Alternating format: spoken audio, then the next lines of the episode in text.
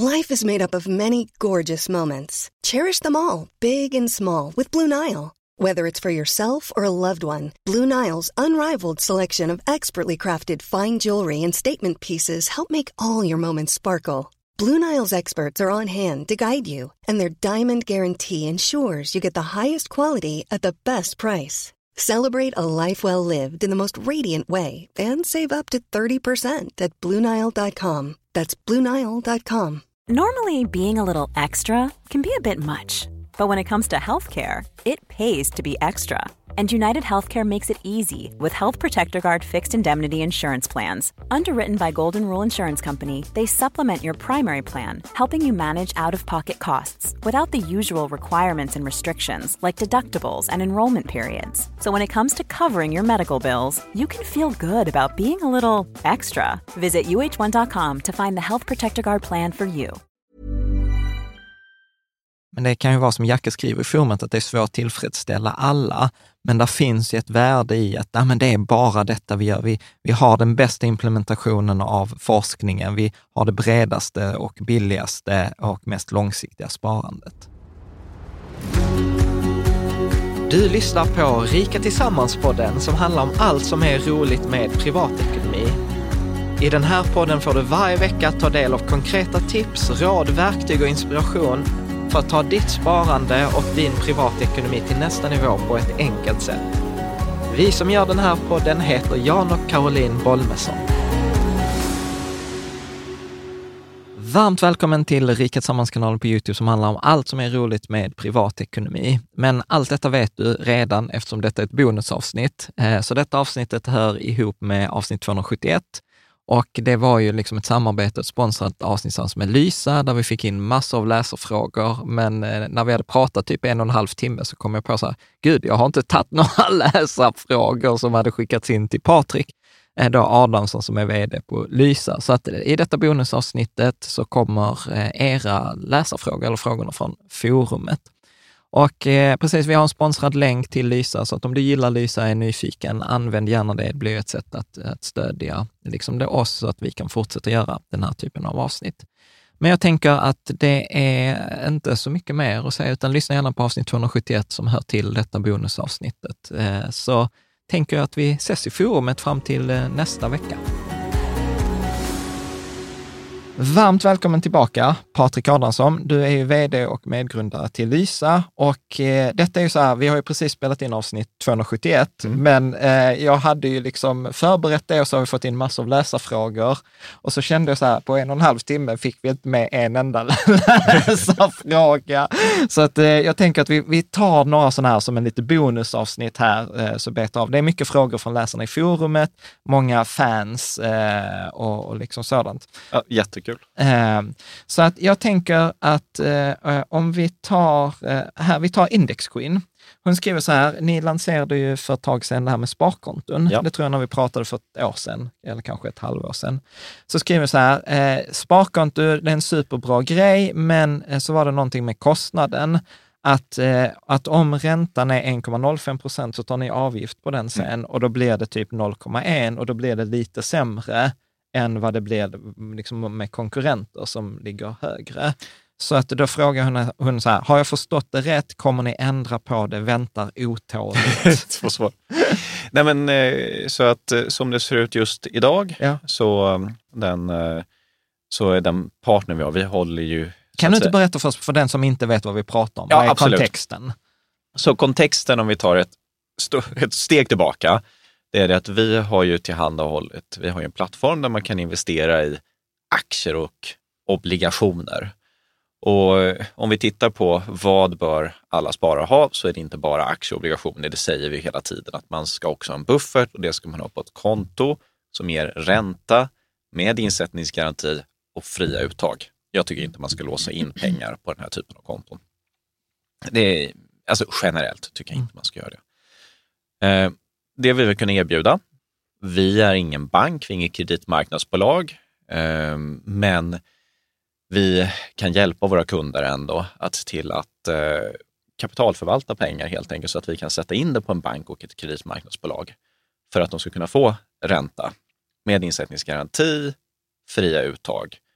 Ehm, och det vi har gjort då det är att eh, det har vi lanserat. Vi håller på och rullar ut det. När vi pratar idag så har 50 procent av våra kunder tillgång till det. Förhoppningsvis när avsnittet sänds så kommer alla kunder ha tillgång till det. Och kritiken man kan, och, kan få då det är att okay, nu är det 1,05 procent i ränta. Vi tar vår avgift som är plattformsavgiften. Den varierar mellan 0,15 och 0,24 procent, vilket gör att det blir under 1 procent i ränta. Varför är det så? Varför ger ni inte bäst ränta? Och svaret på det, det är att vi kommer nog aldrig ha bäst ränta på den här produkten. Strategisk mediokritet. och här, här är det lite annorlunda för att det finns flera olika saker att nysta i här. Mm. Varför vill vi göra det här? Vi vill kunna tillhandahålla ett mm. sparkonto. Mm. Dessutom så vet vi att de flesta är inte ränteägare. Det finns de som är jätteduktiga på att leta upp bäst ränta. Man har varit väldigt aktiv den senaste månaden för vem som ger bäst ränta och ändrats fem gånger. Mm. Eh, och vi kan prata lite mer om varför det är på det sättet. Men eh, det ändras rätt ofta. Det är någon som höjer. Det var någon som höjde i förrgår till 1,75. Innan dess tror jag att det var 1,55 som var bästa räntan. Man måste vara med helt enkelt och flytta. Och de flesta svenskar, hushåll, har ingen ränta på sina konton. Nu kommer det nog ändras när bankerna börjar erbjuda sparkonton med ränta, men de måste ändå vara med och flytta det från sina transaktionskonton till just den räntetypen som ger ränta. Så fungerar det generellt. Så det måste vara rätt om dig kring dig mm. för det. Och vi vill på ett enkelt sätt se till att så många som möjligt kan få det. Mm. Sen så bestäms ju räntan inte av oss, utan bestäms av vår partner. Och det är inte något vi så att säga kan det är inte säkert att den som ger 1,75 nu är en av de partners vi kommer ha i framtiden. Eller vi har inte just nu i alla mm. fall, så därför kan man inte erbjuda det. Det kommer ändras rätt mycket mm. över tid också. Så vi vill helt enkelt ge en schysst ränta så att mm. man kan få ränta på ett enkelt sätt. Men man kommer inte ha högst ränta hos oss. Mm. Och sen frågan varför tar vi en avgift? Jo, för att om man tänker att man är ett kreditmarknadsbolag eller en bank, då får man ju det som kallas för, um, jag tror tappar lite med räntenettot. Liksom. Mm. Det är skillnaden mellan vad lånar de ut för och vad lånar de in för. Och nu har vi då, som det ser ut på de större bankerna, så ligger räntorna som man har i inlåning mellan 0 och 0,5 mm. idag. Mm. Och man lånar ut för listpriser på 3,5 ungefär. Sen så mm. kanske den effektiva är 2,5 idag. Det kommer mm. nog justeras upp gradvis. Så då tjänar man pengar på det sättet. Och vi behöver ha ett sätt att tjäna pengar på ett transparent sätt, på att tillhandahålla det här och då tycker vi den plattformsavgiften mm. är det bästa sättet att göra mm. Mm. Ja, men spännande. Ja. Och där, sen, jag säger. Så kan jag säga, sen är det här, vi pratade om lite och vi kan inte gå in exakt på det, men vår tanke är ju att vidareutveckla eh, den här produkten för att så att det vi har börjat nu med en partner, det vill vi utveckla till flera vi har på gång och sen så vill vi också integrera det här mer i plattformen i sin helhet. Men det är något vi får komma tillbaka lite mer till när det sker. Mm. Mm. Och, och för, det, för, det, var också någon fråga här från Kekkonen. Mm. Han skriver, när jag testade gick det inte att flytta pengar mellan ISK och eh, liksom det här sparkontot, utan då var jag tvungen att ta ut pengar och sen sätta in det. Och då var han så här, ah, det var inte värt besväret. Eh, kan jag, kommer det komma? Ja, Kekkonen han är en eh, tidig användare av en del av våra betatester, för det är på plats sedan en okay. månad tillbaka. Men när okay. han testade Ja. Eh, ja, men testade han i början. Han så, testade i början, då fanns inte det. Och det är lite så normalt som man vill bygga, att ja. vi vill rätt snabbt få ut och sen hämta in mycket feedback. Just den här mm. saken var ju en uppenbar grej som vi ville kunna göra, att man kan ja. flytta mm. mellan fonder och det på ett enkelt sätt. Det, för det var någon som frågade också, blir det skatt på det då? Eh, alltså man tar ut om man tänker på när man får in en ränta, en ränteintäkt, så är det ju en skatt på den. Ja. Eh, precis som jo, det är som vilket annat. Men... Sen om man tar ut från ett ISK-konto ja. så har man ju en skatt på ja, när man flyttar det i så fall. Precis. Mm. Mm. Eh, så, ja, men så det beräknas, ja. ja. Men det vill man, liksom, man vill inte hålla på med det för ofta. Alltså man ska inte hålla på och skjuta fram och tillbaka mellan eh, de kontona. Liksom. Nej. Och den anledningen göra det är man sitter och tajmar marknaden och det ska mm. man inte göra. Generellt sett och speciellt inte på vår plattform, för nej. den är verkligen inte byggd för det. Nej, för det, det kommer jag ihåg också att jag tror när vi, när vi träffades för typ fyra år sedan, mm. så sa du så att ja, vi fick begränsa det, att man bara fick ombalansera, vad var det, en gång i veckan? Eller en gång vi hade lite olika begränsningar på det där som vi sen eh, det var bara en tanke som vi hade för att just att försöka säga att man ska inte sitta och dra upp och ner. Ja. Eh, den begränsningen på grund av rätt mycket kundfeedback eh, har vi faktiskt tagit bort sen Alltså. dess. Så att det, ingen uppmuntrar till någon. För att om man tänker så här, säg att det här är en helt annan filosofi, men säg att du verkligen ska sitta och daytrada och att du ska hitta den här specifika tidpunkten Ja. när det är perfekt på dagen att investera. Mm. Då ska man inte göra det hos oss för att vi har en tröghet i vårt system att vi köper fondandelar. Mm. Så att de transaktionerna, eh, de så att säga avsätts ju på kvällen riktigt. så du vet aldrig vilken pris du kommer få. Ja. Långsiktigt spelar inte det någon roll. Men, Men, men jag vet, jag daytrada kommer- inte, men daytrada speciellt inte på vår plattform. Ja. Nej, men jag, kommer, jag kommer ihåg att vi hade liksom så här lång, diskussion om det där under covidkrisen, för då hade vi ju en vålla på alltså 10-11 procent på Ja. intradag. Ja. Och då var det liksom så här, hade du flyt, ja då fick du 11 procent extra. och Ja, men hade du ringde ju till Patrik och frågade så här, när, eh, exakt, exakt, vilka klockslag funkar detta? För nu har jag förlorat pengar Jag kommer här. ihåg det. Ja, det, ja, det var roligt. det. Liksom. Du sa också att eh, nu har jag tajmat det här precis så dåligt som man kan göra. Vilket jag inte tror var fallet, men det känns ofta som det är tillfället. Ja, men exakt, exakt. Ja. Nej, men, så, så att, menar, om vi ska sammanfatta detta med, eh, liksom, eh, en fråga till. Eh, JFB, också så här, hur går det med obegränsat sparkonto? Har för mig att det var uppe att man skulle kunna ligga över insättningsgarantin. Eh, detta för att slippa räntefonder så som det har varit hittills tidigare. Alltså, det känns som att JFB är kanske liksom en av få som kanske har så det, här, det, är "Nej, jag vill trev, det är mer." ett trevligt problem att ha. Ja. Eh, man ska säga att eh, alltid så att det går att sätta in mer än vad insättningsgarantin är. Nu ska vi säga att de här pengarna går ju nu till eh, vår partner som är Collector. Den Ja. första, vi kommer tro att vi kommer att ha fler på plattformen. Och precis som du ligger över insättningsgarantin där som någon annanstans, då tar du ju en rejäl risk om, eh, nu pratar jag bara rent generellt, om du ligger över insättningsgarantin och det blir problem för det institutet du är hos, Så är du inte garanterad. så för- nej, du kommer inte få tillbaka det. Mm. Mm. Utan det är för att, och det här kanske lite långt, men jag tror att det här är väldigt viktigt bara att förstå. Vad, vad är det som händer när du sätter in pengar på ditt bankkonto? Mm. Och det här är väldigt speciellt eh, just för en bank eller ett kreditmarknadsbolag. Det är att du ger ett lån till banken.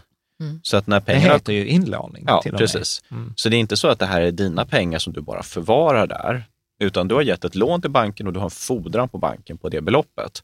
Och då har staten gått och sagt att men vi säkrar upp alla fordran givet att du har ett tillstånd till i Sverige 1 50 000 kronor. Men allting över det, det går inte staten in. Så att det är ju ett lån som du i så fall skulle få tillbaka som en fordringsägare i bankens konkurs. Mm. Och du kommer väldigt lågt prioriterad. Så Mm. att där kan man räkna med att det kommer inte du få tillbaka någonting av.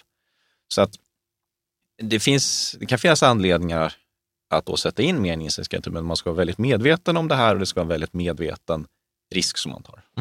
Och där är det, Och det- ju, och där är det så här, per konto, per eh, institut, eh, Precis. per ägare. Ja, per, per, per institut, per Ja. person så att Ja. säga. Så att eh, om du i, i det här fallet då har, eh, vilket vi också, eh, så säg till exempel att du sätter in mer än 1 50 000 på ett institut, oavsett hur du har satt in, satt in Mm. det, då är det 1 50 000 som gäller.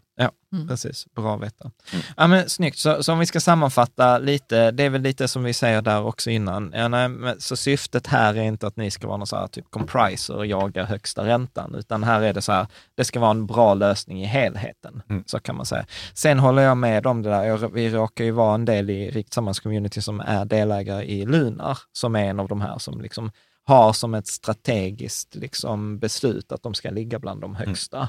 Men då gör ju de det av massa anledningar som att liksom varumärke och bli kända etc. Liksom. Ja, sen så kan man säga utan, Mm. ja, utan något specifikt bolag, för det känner jag inte till, men det som händer nu, och det ser vi att bolag aggressivt höjer inlåningsräntan. Varför gör man det? Jo, men det gör man ju inte bara för sin, så att säga, för man är godhjärtad, utan det är ju för att behålla eh, inlåningen. Och inlåning från allmänheten som det heter, när man sätter in det på ett sparkonto, får, det är nu mycket bättre för kreditmarknadsbolagen och bankerna att finansiera sig på det sättet än vad det var för bara ett år sedan. Och det är för att alternativet så måste man ge ut säkerställda obligationer och där krävs det nu på väldigt höga räntor Mm. relativt sett.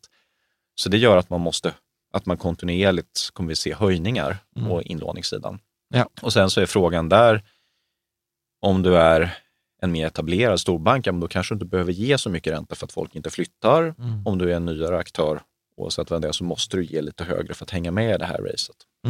Nej, men exakt. Mm. Eh, snyggt. Pellepennan, eh, detta tror jag vi har haft uppe i tidigare avsnitt, men kan man inte erbjuda en produkt med hävstång, typ att man kan välja 5, 10, 15, 20 procents hävstång Mm. mot en kreditprövning? Eh, vi funderar på det från eh, tid till annan. Jag tycker att det är en jättebra sak att ha när det kommer till pensionssparande. För i ett pensionssparande så vet vi att de här pengarna kommer inte användas på en viss tid. Problemet om man sätter en hävstång på en eh, aktiefondsinvestering, det är att det fungerar ju på samma sätt när det går upp som när det går ner.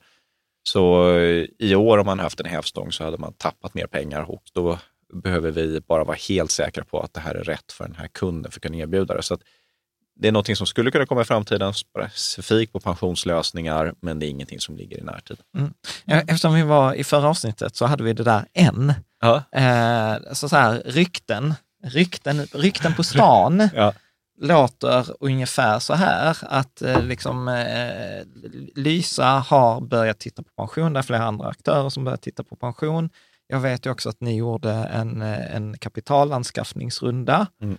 Eh, och så här, tittar man på era siffror så tänker jag så här, ja visst ni expanderar utomlands, men, eh, men där skulle kunna vara potential för att ge sig bli ett försäkringsbolag och då kunna hantera pension. Mm. Är, där, är där substans i detta rykte på stan? Eh, ja, det finns substans i det. Vi, det är någonting vi tittar på. Det är ett väldigt stort åtagande Mm. Eh, att ta sig an. Men det finns väldigt mycket man skulle kunna göra för att göra det enklare för kunden till bättre pension och göra det lättare att flytta. Det kommer förhoppningsvis ännu mer lagstiftning som underlättar flytt. Men Så det, är så här, någonting, men, men, det är men, någonting vi, vi tittar väldigt aktivt på. Sen ska man säga att det är rätt långa tidsförlopp, så det här innebär inte att, att vi kommer, kommer att ha... nästa vecka, måndag. Du har hela helgen på dig. Jag skulle säga att det kommer inte komma på ett år i så Ja. fall. Eh, vilket eh, är ju trist, men det är lite så det funkar med de här Mm. processerna helt enkelt. För och sen det- får vi se. För det där har alltid fascinerat mig i Sverige, att vi ser ju pension som en försäkring, Mm. vilket kan vara logiskt, men det blir ju så att ni får inte lov att hantera pension om ni inte är ett försäkringsbolag, eller hur? Eh, nej, Eh, man kan vara det som kallas, Ans- vilket vi också är, försäkringsförmedlare. ja. Och eh, det är därför vi kan erbjuda kapitalförsäkringar Mm. via en samarbetspartner. Ja. Men, eh, för, men det finns liksom anledningar när man... Det är lite underligt att det ser ut som det är eh, beroende på vilken typ av försäkring det är. Mm. Eh, och då finns det egentligen, om man ska eh, hårdare, två typer av försäkringar. Den ena typen av försäkring är att man säger att jo, men, eh, kunden kommer få ett visst förutbestämt belopp. Mm. Och då är det väldigt viktigt att du kapitalsäkrar det där såklart. Och att du ser till att du verkligen kan betala ut de här 20 000 i månaden. Mm. Eller vad det rör sig om. Vi kallar för traditionell pension i Sverige. Mm. Eller tradliv. Mm. Eh, sen finns det en andra som är att man har pengar i ett fondsparande, i en tjänstepension som inte är någon annans person utan de är öronmärkta för dig. Och det är också inom ett försäkringsskal. Det är lite svårare att motivera att det ser ut på det sättet. Det finns anledningar som är, kanske inte ska gå in i alla de tekniska Mm. anledningarna nu, som är bra. Men för att kunna jobba med det på en fundamental nivå eh, så behöver man vara då ett, ha ett försäkringsbolag i gruppen. Mm. Ja. Men eh, det är intressant, vi tittar på det. Mm. Stay tuned. Ja, men, Men, men håll inte andan. Nej, nej, precis. Ja. Men ändå lite så här, fin finansbranschen i Sverige är inte stor. Nej. Eh, Så kan vi säga. Eh, Eter eh, frågar, eh, David frågar, fråga om guld och råvaror. Guld har vi haft uppe. Ja. Eh, och sen skriver han så här, just det, fråga om valutasäkring också. Mm. Eh, så guld, eh, vi, jag tror när vi hade Oskar, din kollega, Mm. så sa han så här, nej vi gillar inte na- äh, saker som inte har naturlig avkastning. Ja. Eh, att guld har ingen naturlig utdelning eller avkastning och då gick krypto och massa annat också. As a person with a very deep voice, I'm hired all the time for advertising campaigns. But a deep voice doesn't sell B2B, and advertising on the wrong platform doesn't sell B2B either. That's why, if you're a B2B marketer, you should use LinkedIn ads. LinkedIn has the targeting capabilities to help you reach the world's largest professional audience. That's right, over 70 million decision makers all in one place. All the big wigs, then medium wigs, also small wigs who are on the path to becoming big wigs. Okay, that's enough about wigs. LinkedIn ads allows you to focus on getting your B2B message to the right people. So, does that mean you should use ads on LinkedIn instead of hiring me, the man with the deepest voice in the world? Yes. Yes, it does. Get started today and see why LinkedIn is the place to be to be. We'll even give you a $100 credit on your next campaign. Go to linkedin.com slash results to claim your credit. That's linkedin.com slash results. Terms and conditions apply. Hey everyone, I've been on the go recently Phoenix, Kansas City, Chicago. If you're like me and have a home but aren't always at home, you have an Airbnb. Hosting your home or a spare room is a very practical side hustle. If you live in a big game town, you can Airbnb your place for fans to stay in. Your home might be worth more than you think. Find out how much at airbnb.com/slash host. Ja, det är, vi gillar ju när vi kan vara konsekventa och det kan vi vara här. Så det, det är samma fråga. Då. Vad är naturlig avkastning? Jo, men det är att, och det här är lite filosofiskt, man kan tycka annorlunda, men när man investerar så vill vi se att det kommer ett penningflöde, utdelningar, kuponger från räntor och inte bara att man tänker, men guld, jag ska få mer betalt i framtiden. Guld producerar ingenting. Nej. Eh, och valutasäkring, det är det på räntefonderna om jag inte minns fel. De är Eh, På en, en del av våra räntefonder, inte alla, är det. Eh, hedging har alltid en kostnad förknippad med sig, så man måste mäta den kostnaden mot den nyttan den ger. Men för räntor generellt sett kan man säga att det är ändå en god idé ofta att hedga dem för att se till att man får tillbaka det beloppet som man satt in i början. Eh, för att till skillnad från en aktie, om vi har gett ett lån på 100 kronor vill vi ha tillbaka 100 kronor. Vi är inte tillbaka kanske 90 kronor för att någon valuta har gått ner Mm, som exakt. man gav dig. På aktiesidan så tycker inte vi filosofiskt det är rätt att hedga på grund av kostnaden det medför och Mm. några andra negativa effekter kring att man ställer lite den här marknadseffekten ur spel, det vill säga att om det är så att börsen i Sverige, om det svenska kronan går ner så gynnar det svenska exportbolag och då Mm. borde allt annat lika bolag på svenska börsen gå upp mer än vad gör de andra länder. Precis. Snyggt. Ska du ta Carl Fredriks fråga, Karo? Ja. Kommer man kunna öppna ISK till sina barn via Lysa, alternativt kapitalförsäkring med förmånstagare? Eh, ISK i barnens namn kommer man inte eh, kunna öppna riktigt på, har vi inte tänkt att man kan öppna på det sättet. Och eh, det finns egentligen två stycken filosofier kring det här. Det ena är att man sparar på sin egen kropp för sina barns räkningar.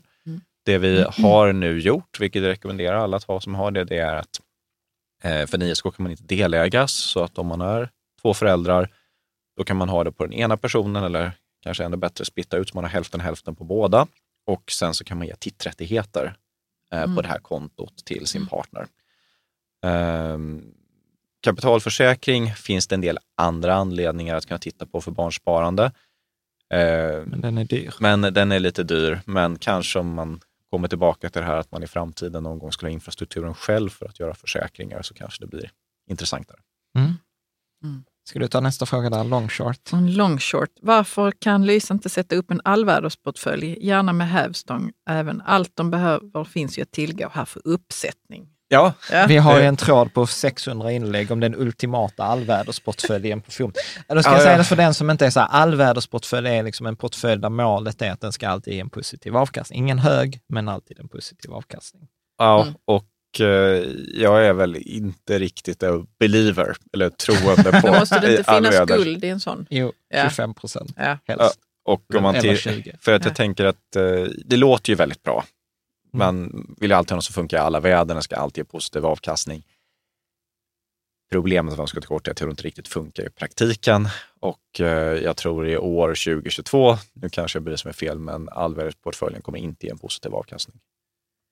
Vi har ju en sån. Ja, men jag har, inte, jag har ju min strategi att inte logga in och kolla. Så jag Nej. vet Men om vi tänker att gått. guld är ju ner 10 Guld är ner, i år. guld är ner. Räntorna Lång- är långa ner. räntor vill jag inte ens titta på. Nej, aktier är ner. Eh, aktier ner och, och bankkont, korta räntor är också ner. Nej. Men ni har ju sagt att det är en unik situation. Så att egentligen borde det funka i alla andra situationer. Losers talk. Men men men, men, men, men så här, det, det är ju ingen garanti, utan det har väl så här 19, sen 1970 så har det varit tre, fyra år. Men inte mitt, varit. mitt, mitt problem med det här, och det här blir man gärna lite utmanad om, men jag tycker, och nu har vi inte jättemycket tid så det kan vara Mm. lite kort svar, men jag tycker ofta att det luktar också lite, och man ska vara medveten om att man inte backtestar allvädersportföljer. Ja. Eh, utan att man tittar tillbaka, vad har gått bra på olika och sen så konstruerar man där utifrån. Mhm. Eh, så att jag är väl lite skeptisk Mm. mot konceptet. Men eh, jag tror att jag ska läsa igenom den här tråden lite noggrannare för att bli bättre påläst om de argumenten som finns. För att ehm, jag, jag kan en del, men jag kan nog inte alla Ja. som har tagits fram. Nej, men det, det, alltså jag kan ju säga, jag, jag är väl liksom, jag sitter i samma läger som du, även om jag har haft den sedan 2014 och Mm. alltså den har ju fantastisk sharpkvot, den har jättebra värden, allt det där, så är det ändå så här, det känns lite voodoo Mm. över det, att den, att, den går, att den går bra. Å andra sidan så blir det också så här, var ska man, liksom, när blir man en believer? Vilket jag kämpar med. Liksom. Sen- så att sen- jag, brukar, jag brukar inte rekommendera den faktiskt, fast Nej. jag har den själv. Och sen beror det lite på, för det finns ju de här, eh, det var väl Ray Dalio som är framför allt Ja. eh, personen som har drivit på för allvädersportföljer. Men samtidigt så tycker jag att man ser de här procentsatserna. Hur ska man sätta ihop den här? Ja. Där finns det rätt, det, det finns, verkar inte finnas ett konsensus Nej. kring det. Nej, Mm. nej, men det finns det inte. Mm. Eh, bra. Ska vi ta Karl eh, 94? Eh, Jag skulle gärna vilja ha möjligheten att välja bort home biasen. Mm. Är detta något som finns på bordet? Och då ska jag, kontexten är att eh, där är 80 procent är globalt, 20 procent är i Sverige.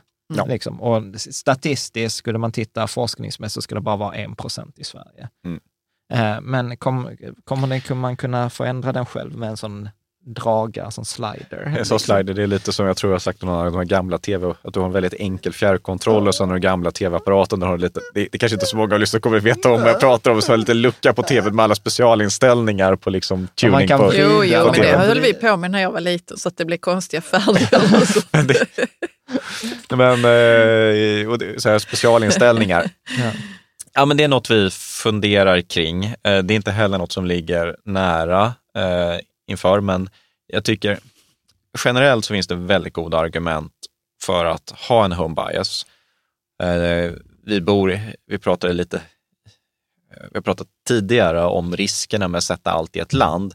Men det finns också risker med att man ignorerar vad som händer i Sverige. För att om det går väldigt, väldigt bra i Sverige, Mm och så pratade vi tidigare också om att egentligen är det här lite av ett relativt spel för att du konkurrerar med andra svenskar om den där sommarstugan. Så att om alla andra svenskar ligger 80% i Sverige och du ligger 1% i Sverige, det går jättebra för Sverige, då kommer du ha sämre köpkraft än de andra svenskarna. Eh, och på motsatt effekt, säg att det går väldigt dåligt för Sverige och det går väldigt bra internationellt, ja men då kommer det gå bättre för dig relativt. Men den situationen när du är lite framför alla andra jämfört med situationen när du har fallit lite efter alla andra är mycket sämre Mm. att du har fallit efter än att du är lite framför. Så därför motverkar vi lite det här med home Mm. bias och lägger upp den till 20 på aktiesidan. Eh, Summa summarum, det är en jättebra fråga. Vi det är har, något vi alltså, tittar vi, på. Vi har en diskussion, tror jag, på 500 inlägg i, Ja. om det där. Men, eh, jag, jag kan absolut se att genom till exempel att vi fördjupar lite och ställer lite ytterligare frågor, att vi sen kan eh, erbjuda den eller inte precis, erbjuda man, man sätter den bakom så här, endast för nördar. Ja, men, det, Liksom, men det kan vara så här att om du tänker att du ehm, ska flytta utomlands. ska flytta utomlands. Precis. Eh, bra. Här var en fråga från Henrik och här kan vara att jag har missförstått eller Henrik har missförstått eller att vi alla har missförstått. Ska du läsa? Eller så har vi varit otydliga. Ja. Henrik skriver så här. Jag skulle vilja veta om, om Lyse har planer på en helt marknadsviktad globalfond. Både large, mid, small cap i alla länder från developed, emerging och frontier markets. Så att, eh, för att det antyder liksom implicit att, Att vi det är, inte har det. att vi inte har det. Och, och jag är så här, ja det är kanske så här frontier markets eller så här att det är kanske en undervikt eller ett small cap, men jag vet inte. Nej, alltså det finns ju absolut eh, det finns ju absolut fler aktier än de vi investerar i. Vi investerar ju väldigt brett, 7-8 tusen ungefär, eh, på den breda sidan. Ehm, och där tar man ju inte in och då finns det ändå mikrobolag i andra länder som vi inte tar in, men det är ofta så väldigt dyrt att handla dem. Mm. Så att, eh, det kanske jag missförstår också, men jag tycker väl att det är det vi har. Exakt. Den är, Ja, nej, för, för det brukar jag också säga, så att detta är det bästa exemplet på en Mm. sådan. Sen, sen, sen hade vi ju liksom, jag tror på en Fika tillsammans Oscar, när vi var så här avnördar för nördar, så visar ni till exempel på svenska, hur ni har konstruerat den svenska indexfonden. Ja. Där, där liksom svenska, där är 350 aktier, ni har med 197 eller vad det var, Mm. och det täckte 98 procent. Och de där sista 100 aktierna gjorde typ ingen skillnad. Nej, de, Och det blev bara dyrt. liksom. Utan jag har inte exakta siffrorna i huvudet exakt hur det ser ut idag, men det blir väldigt dyrt att handla de sista aktierna. Det blir väldigt litet Ja. och det ger inte så mycket mer. Nej, så att... Men emerging markets, kan man säga att det då Det är är... tillväxtmarknader. Och frontier markets är sådana som Nej, redan men går ja, bra? Nej, nej. Tillväxt, så här, develop, det är typ Europa, eh, mm, USA. mm. Det, eh, emerging markets är tillväxt, det är så här Indien, Kina, Brasilien, Mm. eh, liksom Korea, Mm. ish. Mm. Eh, och eh, frontier är väl så här, Sydafrika, Kenya. Ja, jag tror. Sydafrika är nog emerging markets, utan frontier. Och min, min tanke är att jag tror det är väldigt o, man kan definiera det på väldigt många olika sätt, men kanske lite mer så att säga Kenya och Ja. de typen av Ja. ekonomier. Ja. Eh, Som men, kommer i Ja. framtiden att gå bra, men inte... Ja. ja, Mm. Som, som fast, det, fast det är lite, det de här definitionerna finns det inget konsensus kring riktigt. Nej. Nej. Heller. och det finns lite olika index. Sen ska vi ta de sista fyra, fem frågorna här. Ja. Eh, Ja, vinningslysten skriver så här. Har Lysa planer på att utvidga era hållbara sparande med tillväxtmarknader? Eh, det är eh, en bra fråga, något vi har tittat eh, mycket på. Det är lite svårt om man tänker just inom det hållbara kontextet för att kring hållbarhet så är det ofta problem med data. Och i många, nu får vi ett ny data dataregim kan man kalla det i Europa i med alla de här förkortningarna som SFDR, PI, taxonomi som är jätteintressant om man är en nörd. Eh, De flesta slutar lyssna efter man säger liksom första förkortningen. Eh, Och då kan man få ett ramverk för hållbara investeringar. Det är svårare i tillväxtmarknader. Sen finns det en lite eh, mer filosofisk fråga kopplat till tillväxtmarknader och det är att när man tittar på tillväxtmarknader så blir en väldigt stor del av det i eh, länder som inte vi skulle definiera som demokratier. Eh, Medan om man tittar på mer Europa och USA så är det ju mer liksom, västerländsk demokrati. Väst- Exakt. Så, eh, så det, ja, vi har funderat kring det, men det och vi har ju utrett det rätt noga, men eh, det är inget som vi har Inget entydigt Plan. svar. på Nej. kort tid för att det blir rätt krångligt och eh, också många av de här fonderna hade ju till exempel Ryssland som en rätt stor del innan. Så att då, man, fick tänka om lite där i samband med eh, invasionen av Ukraina kring det här. Eh, Men vi hade en väldigt tydlig plan för att göra det innan dess. Därefter blev, vi lite mer osäkra. Eh, har vi pratat om det med Ryssland och Lysa? Det har vi inte gjort va? Vadå Ryssland? ni- Nu, nu, nu var det så, så här, så här Farsan, vad, vet, vad är det du inte vet om? Nej, nej, men jag kommer inte ihåg vad vi har sagt. Men eh, efter att man nu har eh, bojkottat Ryssland på alla Ja. möjliga sätt. Ja. Har vi, har vi gjort det i Lysa också? Eh, Ja, det finns inget värde på ryska aktier, så säger Nej. analysafonderna. Nej, jag tror vi har pratat Innan- om det. Ja. Ja, jag känner igen Jag det här känner också, också men det, det här. kan nog vara något ni kanske ringde och frågade. Ja.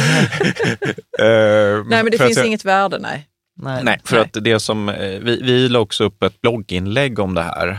eh, Så att det kan, och om man ska förenkla lite ska jag säga att det fanns en liten andel eh, Ryssland som det gör om man är globalt. Eh, Mm. Eftersom det finns i de underliggande fonder Vanguard Mm. köper. Det man ville göra det var ju att ändra om indexen, sälja de innehaven. Mm. Och en del av dem hann säljas, eh, men marknaden stängde rätt snabbt också. Då skrev de stora indexleverantörerna och sa liksom att ja, men det här är noll i värde. Ja. Ja. Och eh, så fort man får möjlighet så ska man sälja det. Så att det finns inget värde i fonderna. Eh, Det kan finnas någon enstaka ryskt bolag, jag vet inte, som ligger och skvalpar kvar, men som har noll i värde som man skulle sälja med en gång för att ryska marknaden är ju stängd för internationella aktörer. Mm. Men eh, tanken är att inte ha Mm. någonting i Ryssland. Ja. Om det bra. hänger ni Nej. med? Ja, ja absolut. Ja. Alltså, jag kan ju säga så att jag har ju drivit, eh, liksom, vi hade ju så här saminvesteringsprojekt eh, på, i vår community, Mm. Eh, där vi var flera som hade investerat i, i samma bolag. Och då fick vi ju så här från juristen, så att ni måste gå igenom er aktieägarlista så att ni inte har någon rysk. Och så var ju- juristen var så här, nej men jag har sett ett ryskt namn i er Det har du inte aktiebok. berättat för mig. Nej, men det var det så här någon, jag ska inte säga vad den personen hette, Nej. men då fick vi liksom så här ringa till den personen och liksom så här, ja, har du ryskt medborgarskap eller Åh. dubbelt och så här. Och sen visade han så här, nej han var ukrainare så att det var allt Då lugnt. fick han. Då var Då var allt bra, Då ja. var allt bra liksom. Ja. Så, att, så det har kommit mycket. Han sa det för att ni skulle... nej men vi fick Låt ju så här pass och Ja, ja. vi fick ju göra Ja. sånt. Sista frågorna här. Vilken ska vi ta då? Ta eh, den. Vinningslisten igen. Ja, kommer ni att sänka avgiften ytter, ytterligare i framtiden? Här finns också bara ett rätt svar. Men hur mycket kan man sänka liksom? Man kan alltid sänka mer. Vi har, om vi ska säga så här att det vi har gjort, liksom, eftersom avgiften är så pass viktig eh, för avkastningen och diversifieringen är väldigt viktig för avkastningen. Så, och när vi har blivit större så har vi ju kunnat förhandla ner priserna på en del av våra leverantörer och vi har lanserat en egen fond, den här Lysa Sweden Equity Broad som vi pratade om tidigare, som var billigare. Ehm, Det vi faktiskt inte har gjort, det är att den avgiften som vi tar ut har vi inte sänkt. Under den som är max 0,24 utan det har varit samma hela tiden. Och eh, kring den så ser jag väl att det är konkurrenskraftigt och det är liksom någonting som vi egentligen kommer ligga kvar på för att kunna driva vår verksamhet på ett bra sätt. Men vi försöker hela tiden effektivisera förvaltningen eh, och de liksom underliggande avgifterna som vi när, har de, gjort. när de blir lika stora som Vanguard så tar de 0,05. Fem, fem baspunkter. Fast det där är rätt intressant, för även om man tittar på Vanguard, nu har jag inte siffrorna och jag tycker Vanguard är ett helt fantastiskt bolag. Eh, jag läste allt jag kan komma över om dem och det är en stor inspirationskälla. Jag kan egentligen sitta och bara tala om hur, Bogge, att, de är, att de är bra. Ja. Eh, Mm. Men eh, det man inte tänker på ofta, och nu kan jag ha lite fel, men här brukar Vanguard själva säga att folk ser oss ofta som indexleverantörer. Men Vanguard har en väldigt stor del som är aktiv förvaltning. Mm. Eh, Men jag tror, jag ska inte ta gift på det här, det är alltid svårt när man behöver Mm. säga en siffra sådär, men det är ett antal tiotals procent av deras De har- totala innehav som ligger i eh, andra typer av liksom, aktiv förvaltning. De har ju rätt mycket pensionsrådgivning och sånt vet jag. Mm. Eh, liksom. Så att eh, de har ju de här eh, lågkostnadsfonderna, men sen har de också Mm. ett stort Mm. utbud av annat. Två frågor här från JFB.